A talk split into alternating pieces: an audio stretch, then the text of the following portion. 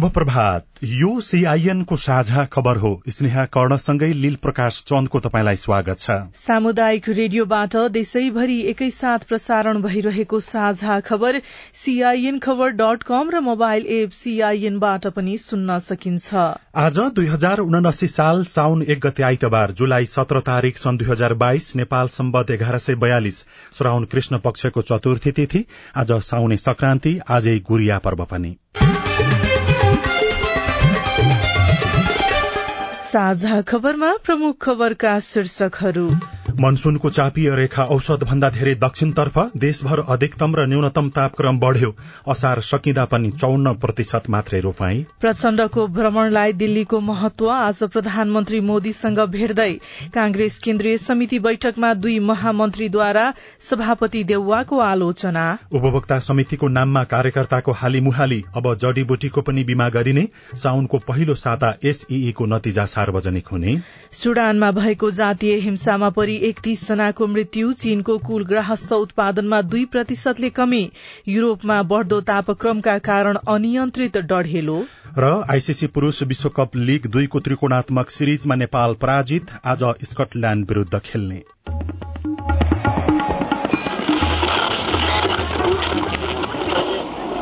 Radio. हजारौं radio कर्मी र करोड़ौं नेपालीको माझमा यो हो। सामुदायिक सूचना नेटवर्क सीआईएन साझा खबरको सबैभन्दा शुरूमा देशभर अधिकतम र न्यूनतम तापक्रम बढ़ेको र सावधानी अप्नाउनको लागि चिकित्सकहरूले गरेको आग्रहको प्रसंग मनसूनको चापिए रेखा औसत भन्दा बढ़ी दक्षिण भारततर्फ सरेका कारण देशभर अधिकतम र न्यूनतम तापक्रम बढ़ेको छ। यसैका कारण पहाड़ी क्षेत्र बाहेकका ठाउँमा वर्षा हुन सकेको छैन। आगामी तीन चार दिन मनसून सक्रिय हुने अवस्था नभएका कारण गर्मी अझै बढ़ने मौसम पूर्वानुमान महाशाखाले आकलन गरेको छ। जल तथा मौसम विज्ञान विभागको हावापानी विज्ञान महाशाखाका अनुसार हिजो मुलुकका बत्तीसवटा केन्द्रको तापक्रम पैंतिसदेखि चालिस डिग्री सेल्सियससम्म रेकर्ड भएको छ। सबैभन्दा बढ़ी नवलपुरको दुमकौलीमा चालिस डिग्री रेकर्ड भएको थियो। तराई र भित्री मधेसका जिल्लाहरूमा अत्यधिक तातो महसुस भएको छ भने काठमाडौँ उपत्यकामा पनि गर्मी बढ़ेको छ। आगामी बुधबारबाट मात्रै पानी पर्ने र मौसममा केही शीतलता आउने वरिष्ठ मौसमविद शान्ति कणेलले सीआईएनसँग बताउनुभयो। तापक्रम चाहिँ अलिकति केही वृद्धि भएको अवस्था छ जसले गर्दाखेरि दिनभरि टन्टलापुर घाम पनि लाग्ने पानी परे पनि एकदमै छोटो अवधि मात्रै पानी पर्ने यो चाहिँ टी मनसुनको जस्तो पानी पर्ने त्यस पछाडि चाहिँ फेरि घाम लाग्ने अनि गर्मी हुने भइरहेको अवस्था छ। विशेष गरी अब यो जुन अधिकतम तापक्रम चाहिँ घट्नको लागि वर्षाका गतिविधिहरू बढ्नुपर्ने हुन्छ। अहिलेसम्मको अवस्था हेर्दाखेरि मङ्गलबार बुधबार चाहिँ नेपालभरि नै अलिकति पूर्वदेखि पश्चिमसम्म नै वर्षाका गतिविधिहरू बढ्ने अवस्था देखिन्छ। जसले गर्दाखेरि हामीले मङ्गलबार बुधबारसम्ममा चाहिँ अहिलेको भन्दा केही राहत महसुस गर्छौँ। गर्मी धेरै बढ़न थालेपछि पठन पाठन नहुने समस्या हटाउन तराईका जिल्लाका कतिपय स्थानमा विद्यालयहरू बन्द गरिएका छन्। अत्यधिक गर्मी हुन थालेपछि वीरगंज महानगरपालिकाले शैक्षिक क्यालेण्डर नै संशोधन गरेर विद्यालय बन्द गर्ने निर्णय गरेको छ। चिकित्सकहरूले भने गर्मीको मौसममा दिउँसोको चर्को घाममा घरबाट बाहिर ननिस्कन निस्कनै परे छाताको प्रयोग गर्न पनि सर्वसाधारण नागरिकसँग अनुरोध गरेका छन्। सीआईएनसँग कुराकानी गर्दै डाक्टर बाबुराम मरासिनीले भन्नुभयो। गर्मीबाट कसरी बच्ने भन्दा दिउँसो घाम लागेको बेला सबर अब यो चाहिँ इमर्जेन्सी बाहेक बाहिर घरबाट ननिस्किने इमर्जेन्सी परेमा मात्रै तपाईँ अब छाता ओर्नुहोस् कालो चस्माहरू लगाउनुहोस् आँखा साखा पनि खराब गर्न सक्छ यो घामको कारणले। शीतल हुने खालको कपडाहरू लगाएर बाहिर निक्लिनुहोस् शीतल ठाउँमा बस्नु छाहारी मुनि बस्नु घरभित्र अथवा पङ्खा छ भने पङ्खा लगाएर बस्नु। पानी पर्याप्त मात्रामा यो चाहिँ झोल कुराहरू पर्याप्त मात्रामा पिउनु पर्दछ यस्तो अवस्थामा। पसिना धेरै आउँछ। दोस्रो अब खेतमा काम गर्ने अथवा निर्माणको काम गर्नेहरूले पनि अलिकति सावधानी अपनाउनु पर्ने हुन्छ। उहाँहरूले चाहिँ आराम गर्दै काम गर्दै गर्नु चाहिँ उचित हुन्छ होला। पर्याप्त पानी पिउने आराम गर्ने झोल कुराहरू पर्याप्त खाने र चाहिँ बिचमा आराम गर्दै काम गर्दै गर्नु चाहिँ उचित हुन्छ होला जस्तो लाग्छ। यस वर्ष असार सकिँदासम्म पनि देशभर चौवन्न प्रतिशत मात्रै रोपाई भएको छ। किसानले रासायनिक मल नपाए पनि धमाधम धान रोपाई गरिरहेका छन्। मल पाइन्छ कि भनेर किसानले केही ढिलो गरी रोपाई शुरू गरेका थिए। हालसम्म देशभर चौवन्न दशमलव एक तीन प्रतिशत रोपाई भएको कृषि विभागले जनाएको छ। गत वर्ष यति बेलासम्म देशभर पैंसठी प्रतिशत भन्दा बढ़ी रोपाई सकिएको थियो। मनसून चाँडै शुरू भए पनि मलका कारण धान रोपाई ढिलो भएको हो। रोपाई ढिलो भए पनि समयमा नै रोपाई सकिने कृषि विभागका महानिर्देशक डाक्टर रेवती रमण पौडेलले बताउनुभयो। बाढ़ी पहिरोले केही असर गरेन भने साउन दोस्रो वा तेस्रो हप्तासम्म रोपाई सकिने उहाँले बताउनुभयो। कृषि विभागको तथ्याङ्क अनुसार गत वर्षको साउन चार गतेसम्म देशभर अन्ठानब्बे प्रतिशत रोपाई भइसकेको थियो। सबैभन्दा धेरै सुदूरपश्चिममा रोपाई सकिएको छ भने मध्य प्रदेशमा सबैभन्दा कम रोपाई भएको छ। नेपाली कांग्रेसमा सभापति तथा प्रधानमन्त्री शेरबहादुर देउबाको पार्टी र सरकार सञ्चालनको कार्यशैलीलाई लिएर शेखर कोइराला पक्षीय पदाधिकारी आक्रामक बनेका छन्। सरकारको एक वर्ष कार्यकाल र पार्टी सञ्चालनको छ महिने अवधिलाई लिएर असन्तुष्ट व्यक्त गर्नेमा महामन्त्री विश्वप्रकाश शर्मा पनि थपिनु भएको छ। केन्द्रीय समितिको बैठकमा शनिबार महामन्त्री द्वय गगन थापा र शर्माले पहिलो पटक नेतृत्वको कार्यशैलीलाई लिएर गम्भीर प्रश्न उठाउनु भएको छ। भ्रातृ संस्था र शुभेच्छुक संस्था बनाउँदा सभापतिज्यूको खेमा नै हुनुपर्ने भनेर उहाँले प्रश्न गर्नुभएको छ। अर्का महामन्त्री विश्वप्रकाश शर्माले नेतृत्वको ओम जय जगदीश हरे गरेर घण्टी नबजाउन र आलोचना गर्ने नाममा डण्डा पनि नचलाउनको लागि उहाँले ध्यानकर्षण गराउनु भएको छ। कांग्रेसको केन्द्रीय समिति बैठकमा सहमहामन्त्री द्वय बद्री पाण्डे र जीवन परियारले पनि सभापति देउबाले एकलौटी निर्णय गरेको भन्दै हिजोको बैठकमा आलोचना गर्नुभयो। बैठकमा देउबाले भ्रातृ संगठनहरू नेवी संघ र तरूण दल गठन गर्दा नेता शेखर कोइरालासँग सामान्य छलफल समेत नगरिएको भन्दै उहाँहरूले आपत्ति जनाउनु भएको हो। देउबाले नेवी संघको अध्यक्षमा दुजाङ शेर्पा र तरूण दलको अध्यक्षमा विद्वान गुरूङलाई मनोनित गर्नुभएको थियो। अब पार्टी चलाउने तपाईँहरूले हो मैले शेखरजीलाई पनि साथै लिएर जान खोजेको छु बैठकमा सभापति देउबाले भन्नुभएको थियो।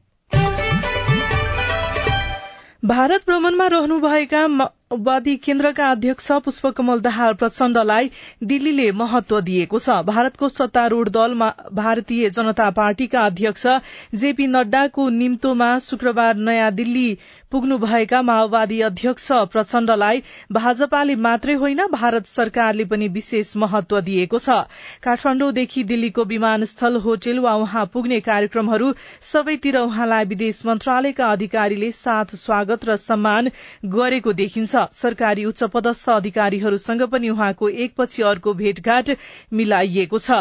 दिल्ली उत्रिए लगत्तै भारतीय विदेश सचिव विनय मोहन क्वात्रासँग भेटेका दाहालले हिजो विदेश मन्त्री एस जयशंकर र राष्ट्रिय सुरक्षा सल्लाहकार अजित डोभालसँग भेटवार्ता गर्नुभएको थियो। हिजै भाजपा विदेश विभाग प्रमुख विजय चौथावाईले आयोजना गर्नुभएको। रात्रि भोजमा पनि प्रचण्ड सहभागी हुनुभएको थियो। आज भने भाजपा अध्यक्ष नड्डासँग भेट्ने कार्यक्रम रहेको छ। काठमाण्डु फर्किनु पूर्व प्रधानमन्त्री नरेन्द्र मोदीसँग पनि प्रचण्डले भेटवार्ता गर्ने कार्यक्रम रहेको छ।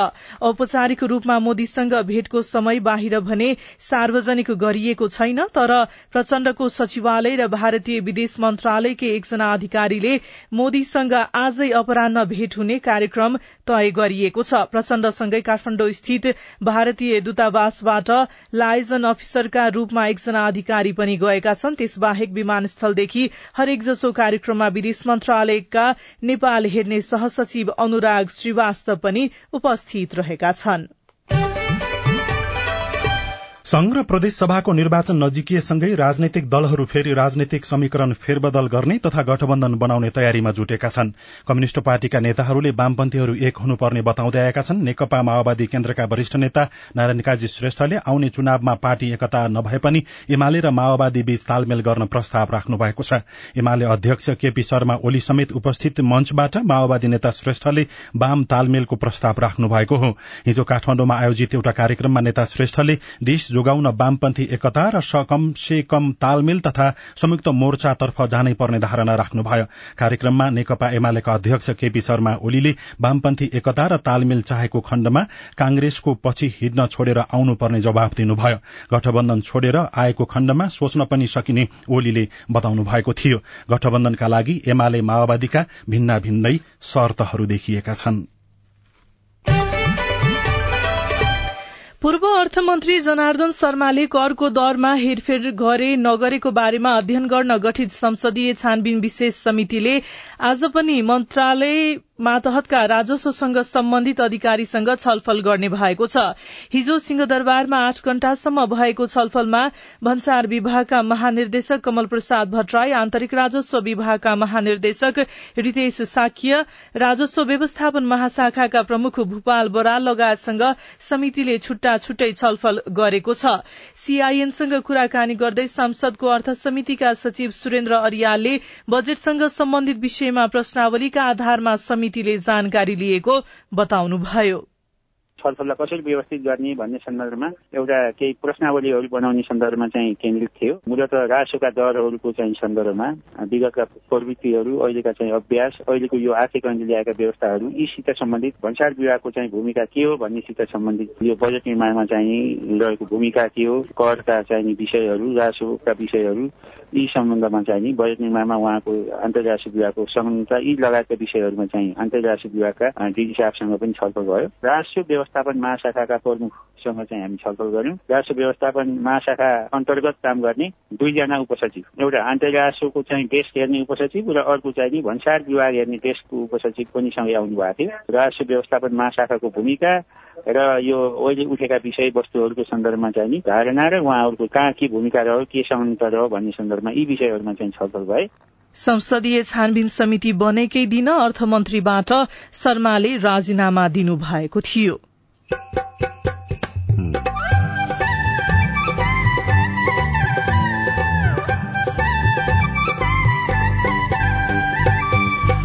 सामुदायिक सूचना नेटवर्क सीआईएन मार्फत देशभरि प्रसारण भइरहेको साझा खबरमा आँखाको नानी दान गर्ने अभियानको अठाइस वर्ष मानिसहरूमा चेतना बढ्दै बोकेर ल्याएको मान्छे आज चाहिँ फटाफट एक्लै हिँडेर एक्लै चाहिँ अब फलोअपमा आउँछ भने त्यो झ्यालबाट हेर्दाखेरि त्यही खुसीको आनन्द त्यही सेटिस्फ्याक्सन छ। उपभोक्ता समितिको नाममा कार्यकर्ताको हाली मुहाली अब जड़ीबुटीको पनि बीमा गरिने लगायतका खबर बाँकी नै छन्। सीआईएनको साझा खबर सुन्दै गर्नुहोला।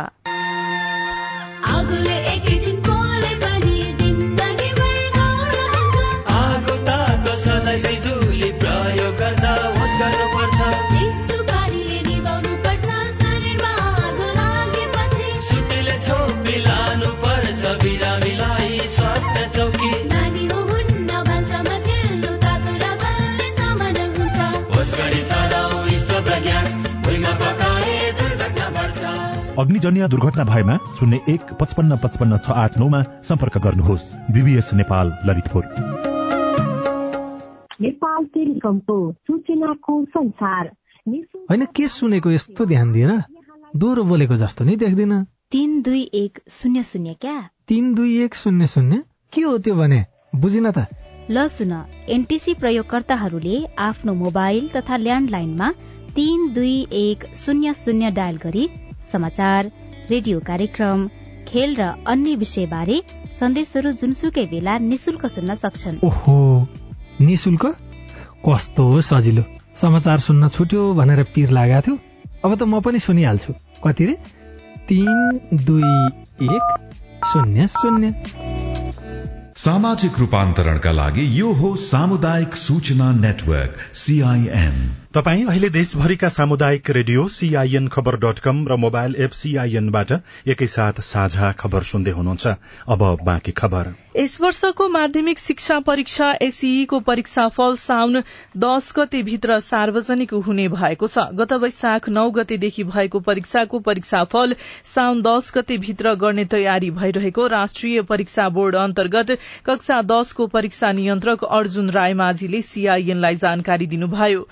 उहाँका अनुसार अहिले त्रुटि सच्याउने लगायतका प्राविधिक काम भइरहेको छ। यो वर्ष पाँच लाख चौध हजार नौ सय सतहत्तर विद्यार्थीले एसईको परीक्षा दिएका थिए।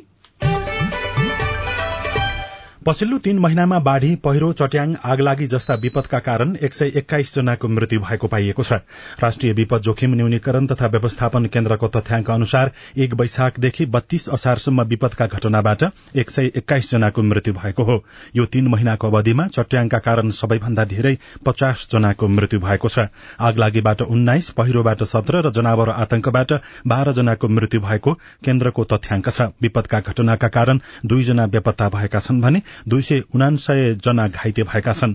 विपदमा परि एक हजार चार सय तीन परिवार प्रभावित बनेको पनि केन्द्रले जनाएको छ। अब आज काठमाण्डुबाट प्रकाशित पत्र पत्रिकाको खबर अन्नपूर्ण पोस्ट दैनिकको पहिलो पृष्ठमा विवादित विद्युत महसुल बक्यौदा सत्र अर्ब नाग्यो शीर्षकमा खबर लेखिएको छ।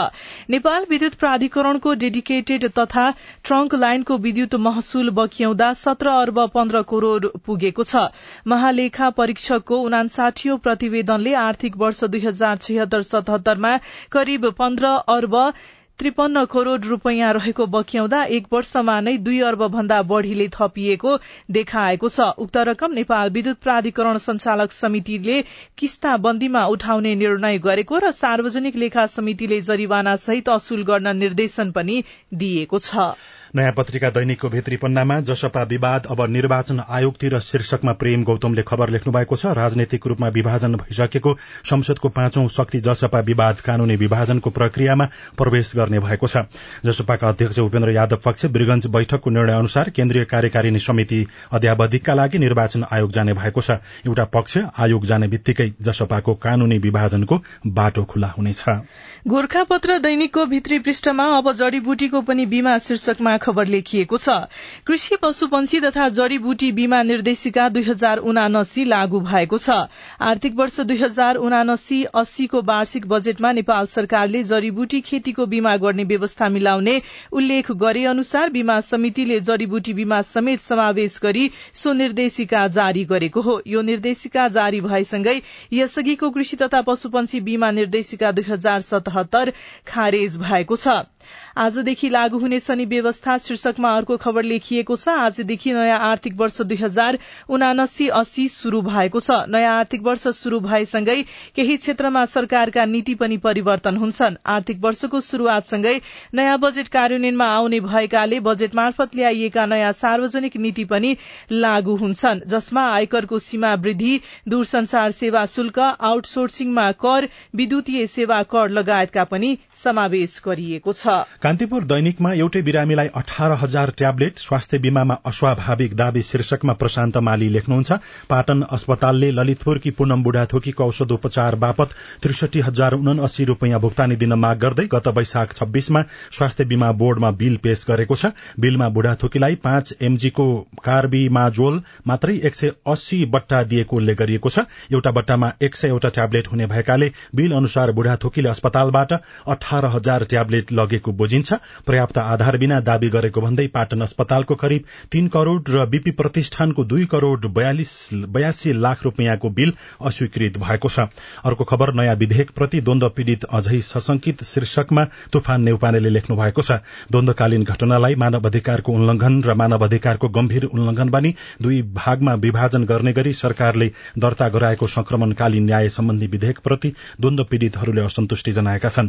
कानून मन्त्री गोविन्द शर्मा कोइरालाले गत शुक्रबार प्रतिनिधि सभामा दर्ता गराएको बेपत्ता पारिएका व्यक्तिको छानबिन र सत्य निरूपण तथा मेलमिलाप आयोग ऐनलाई संशोधन गर्न बनेको विधेयकले पीड़कको फौजदारी जवाफदेहिता साँगुरो बनाउन खोजेको उनीहरूको गुनासो रहेको छ। नागरिक दैनिकको पहिलो पृष्ठमा उपभोक्ता समितिका नाममा कार्यकर्ता र ठेकेदारको हाली मुहाली शीर्षकमा खबर लेखिएको छ। स्थानीय तहमा विकासका लागि गठन हुने उपभोक्ता समितिमा राजनीतिक दलका नेता कार्यकर्ता र ठेकेदार घुसेपछि विकृति बढ़ेको छ। स्थानीय तहमा उपभोक्ता समितिका नाममा राजनीतिक दलका नेता कार्यकर्ता र ठेकेदार हावी हुन थालेपछि विकृति बढ़दै गएको पाइएको अख्तियार दुरूपयोग अनुसन्धान आयोगका प्रवक्ता श्याम प्रसाद भण्डारीले बताउनुभयो। पछिल्लो समय स्थानीय सरकारले विभिन्न योजनाहरूका लागि उपभोक्ता समिति गठन गर्दा त्यसमा नेता कार्यकर्ता र ठेकेदारको हालीमुहाली भएको पाइएको छ। साझा खबरमा अब हेलो सीआईएन अविनाश आचार्यबाट। तट फतुवा विजयपुर नगरपालिकाबाट हो दिलीप कुमार राव यतातिर व्यापार गर्ने ठाउँमा गयो भने एक रुपियाँ दुई रुपियाँको नोट पसलहरूमा लिँदै ल्याए चल्दैन भन्ने कुरा साँच्चै कि नेपाल सरकारले बन्द गरेको हो कि के कसो हो किन लिँदैन त्यसको लागि के कस्तो छ यसो पाउनु जानकारी है। तपाईँको जिज्ञासा मेटाउँदै हुनुहुन्छ नेपाल राष्ट्र बैंकका प्रवक्ता डाक्टर गुणाकर भट्ट।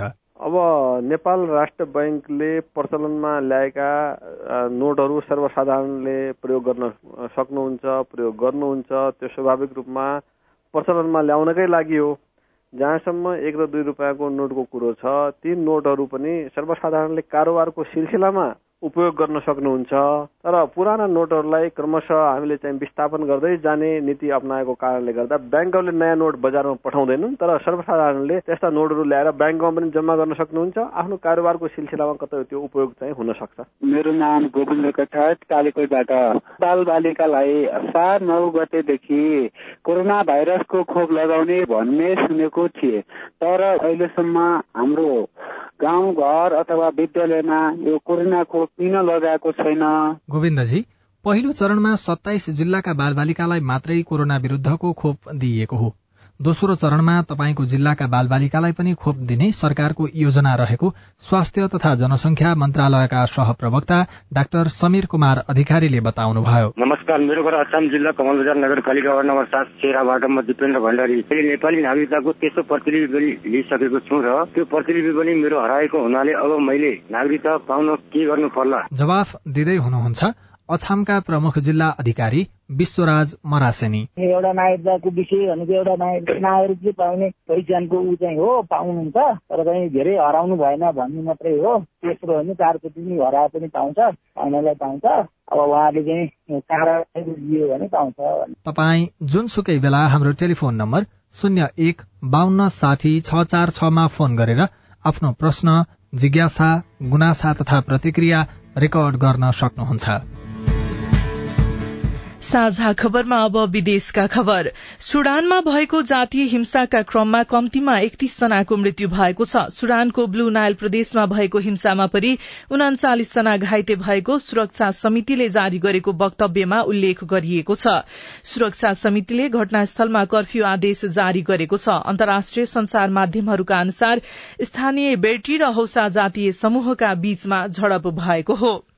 चीनको कुल गृहस्थ उत्पादनमा कमी आएको छ। चीन सरकारले कोरोना महामारीका कारण लगाएको लकडाउनका लागि व्यवसाय कारोबार र उपभोक्तामाथि असर परेको कारणले चीनको कुल गृहस्थ उत्पादनमा दुई दशमलव छ प्रतिशतले कमी आएको अन्तर्राष्ट्रिय संचार माध्यमहरूले जनाएका छन् युरोपमा पछिल्लो केही दिन यता उच्च तापक्रमसँगै फैलिएको डढेलोका कारण जनजीवन अस्तव्यस्त बनेको छ। पोर्चुगल स्पेन र दक्षिण पश्चिम फ्रान्समा हजारौं मानिसहरू विस्थापित भएका छन् भने लाखौं प्रभावित भएका छन्। पोर्चुगलमा मंगलबार यताकै तापक्रम कम्तीमा सड़चालिस डिग्री सेल्सियस रहेको छ। स्पेन र फ्रान्सका कतिपय स्थानको तापक्रम पनि पैंतालिस डिग्री पुगेको जनाइएको छ।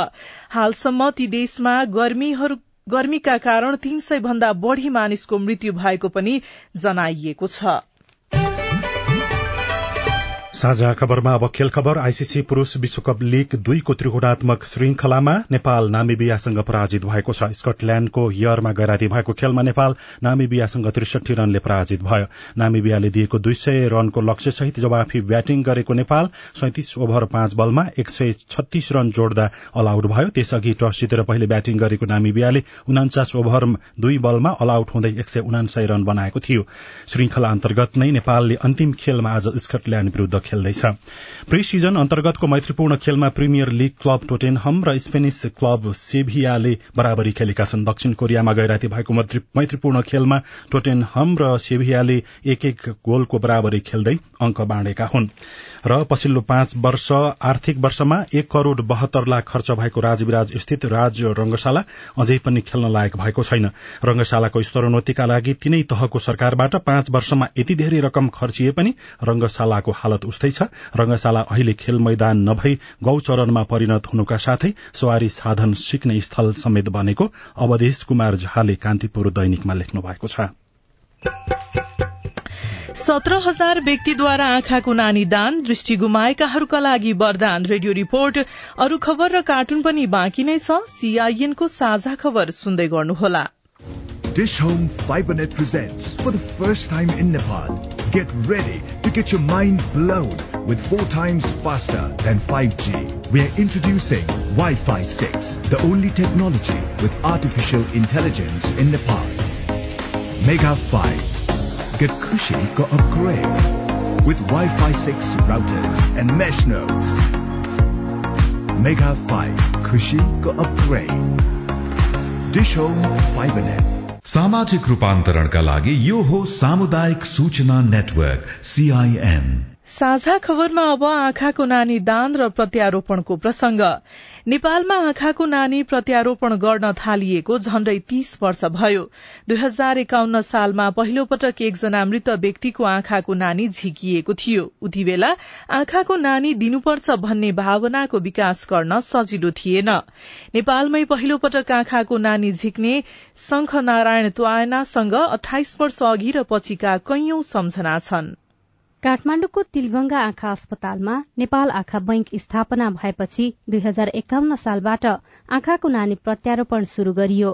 नानी दान गर भन्दा मानिसहरू अलमलमा पर्थे। एक दुई हप्तासम्म त हामी अलमल्यौं कसरी जाने के गर्ने कसरी भन्ने हामीलाई गाली पनि गरे अब पिछला पिछला जस्तो पनि गरे तर पनि हामीले प्रयास जारी राख्यौं। आँखा बैंकको प्रबन्धक भएर के गर्नु? शंखनारायण त्वायना मृत व्यक्तिको आँखाको नानी निकाल्न आफै दौडिनुहुन्थ्यो। वर्षभरिमा एकजना दाता चिनीमाया ट्रलर र त्यो आँखा प्रत्यारोपण भयो सफल जसबाट दुईटा आँखा त्यसपछि नाइन्टिन नाइन्टी फाइभमा दुईजना दाता चारवटा आँखा त्यसपछि नाइन्टी सिक्समा चाहिँ अडतिसवटा आँखा। मृत्यु भइसकेपछि नानी दान गर्ने भावनाको विकास होस् भन्न उहाँ भेट जतिका मानिससँग र पुगे जतिका समारोहमा आफ्नो कुरा राख्नुहुन्थ्यो। बल्ल बल्ल सकारात्मक हुन्थे तर मृत्यु भइसकेपछि पनि खबरै नगर्ने। आँखा दानको इच्छा राख्ने इच्छाएका व्यक्तिहरू झन्डै हामीसँग चाहिँ अस्सी हजार पुगेछ। त्यसमध्येमा कति दिन्छ भन्ने कुरा चाहिँ हामी निर्कल गर्न सक्दैनौँ। हाम्रो इथिक्सले पनि मिल्दैन। जस्तै भन्नुहोस् न आँखा दान इच्छाको फर्महरू हामीसँग छ फोन नम्बर राखेको छ। फोन गरेपछि हामी जाने हो सम्बन्धित ठाउँमा। कतिन्जेल यस्तो रहला र भन्दै शङ्खनारायणले आफ्नो लय छोड्नु भएन। अहिले वर्षभरिमा तेह्र सयसम्म आँखाको नानी संकलन हुने गरेको छ। उहाँसँगै नौजनाको टोली आँखाको नानी निकाल्न र व्यवस्थापनमा जुटेको छ। सेज जतिलाई जतिको आँखा हामीले चाहिँ माग्नको लागि एउटा सुझबुझ परामर्श दिएको हुन्छ फिफ्टी नाइन पर्सेन्टले चाहिँ हामीले आँखा दिएछ। Suitability rate eighty five percent भयो। युटिलाइजेसन रेट चाहिँ नाइन्टी सिक्स पर्सेन्ट भयो भन्नाले सयवटा आँखा चिया छ भने छयानब्बेवटा चाहिँ हामीले आँखा प्रत्यारोपण गर्यौं तथ्याङ्क अनुसार अहिलेसम्म सत्र हजार भन्दा धेरैको आँखाबाट नानी झिकिएको छ। नानी दानमा प्रेरित गर्न छुट्टै जनशक्ति खटिने गरेका छन्। हामी मृत्यु कसैको चाहँदैनौँ तर मृत्यु भएको खण्डमा सबबाट आँखा किन माटो या खरानी बनाउने भन्ने अभिप्रायले हामी त्यो क्राइटेरिया हेरेर हाम्रोमा चाहिँ फिट छ भने हामी चाहिँ एप्रोच गर्छौँ। एप्रोच गरिसकेपछि उहाँहरूको जुन वारिसको स्वीकृति प्लस अब फेमिलीकै दुईजना अरूको चाहिँ साक्षी राखेर हामी आँखाको नानी मात्रै झिक्छौँ चौवन्न वर्षका शङ्खनारायणले आँखाको नानी दान गर्नुपर्छ भन्ने अभियानमा आधा जीवन दिइसक्नु भएको छ। अठाइस वर्षदेखि यो अभियानमा जुट्नु भएका उहाँ दान गरिएको नानीबाट कसैले संसार देख्दाको सन्तुष्टिले पनि आफूलाई यो अभियानमा लागिरहने प्रेरणा जाग्ने बताउनुहुन्छ। जो डोर्याएर ल्याएको बोकेर ल्याएको मान्छे आज चाहिँ फटाफट एक्लै हिँडेर एक्लै चाहिँ अब फलोअपमा आउँछ भने त्यो झ्यालबाट हेर्दाखेरि त्यही खुसीको आनन्द त्यही सेटिस्फ्याक्सन छ। आँखाको नानी किनबेच हुँदैन। तर यसलाई मृत शरीरबाट झिकेर प्रत्यारोपण गर्ने बेलासम्मको थोरै खर्च प्रत्यारोपण गर्ने व्यक्तिले नै बेहोर्नुपर्छ। खर्च गर्नै नसक्नेहरूलाई भने नेपाल आँखा बैंकले निशुल्क व्यवस्था गर्दै आएको छ। सजना तिमल सीआईएन काठमाडौँ। रिपोर्टसँगै हामी साझा खबरको अन्त्यमा आइपुगेका छौं। सामुदायिक रेडियो प्रसारक संघद्वारा संचालित सीआईएनको बिहान छ बजेको साझा खबर सक्नु अघि मुख्य मुख्य खबर फेरि एकपटक। मनसूनको चापिए रेखा औसत भन्दा धेरै दक्षिणतर्फ देशभर अधिकतम र न्यूनतम तापक्रम बढ़्यो। असार सकिँदा पनि चौवन्न प्रतिशत मात्रै रोपाई प्रचण्डको भ्रमणलाई दिल्लीको महत्व आज प्रधानमन्त्री मोदीसँग भेट्दै कांग्रेस केन्द्रीय समिति बैठकमा दुई महामन्त्रीद्वारा सभापति देउबाको आलोचना। उपभोक्ता समितिको नाममा कार्यकर्ताको हालीमुहाली अब जड़ीबुटीको पनि बीमा गरिने साउनको पहिलो साता एसीको नतिजा सार्वजनिक हुने। सुडानमा भएको जातीय हिंसामा परि एकतीस जनाको मृत्यु चीनको कुल गारस्थ उत्पादनमा दुई प्रतिशतले कमी युरोपमा बढ़दो तापक्रमका कारण अनियन्त्रित डढेलो। र आईसीसी पुरूष विश्वकप लीग दुईको त्रिकोणात्मक सिरिजमा नेपाल पराजित आज स्कटल्याण्ड विरूद्ध खेल्ने। साझा खबरको अन्त्यमा कार्टुन कार्टुन हामीले नागरिक दैनिकमा रबिन सायमीले बनाउनु भएको कार्टुन लिएका छौं व्यङ्ग्य गर्न खोजिएको छ। नेकपा एमाले पछिल्लो समयमा आर्थिक विभागमा एकजना एम अधिकारी नामकका व्यक्तिलाई राख्यो तर ती व्यक्ति को हुन् भनेर टीका टिप्पणी र आलोचना भइरहेको छ। यहाँ एउटा भित्ता छ। भित्तामा मनमोहन अधिकारीको फोटो झुण्डाइएको छ र तलपट्टि माला लगाइएको छ। दुईजना महिलाहरूले हात जोडिराखेका छन् र तिनीहरू केही कुरा भन्दैछन् माथि चाहिँ यस्तो लेखिएको छ। उहाँ चाहिँ एमाले नखोजेको एम अधिकारी अर्थात मनमोहन अधिकारी क्या?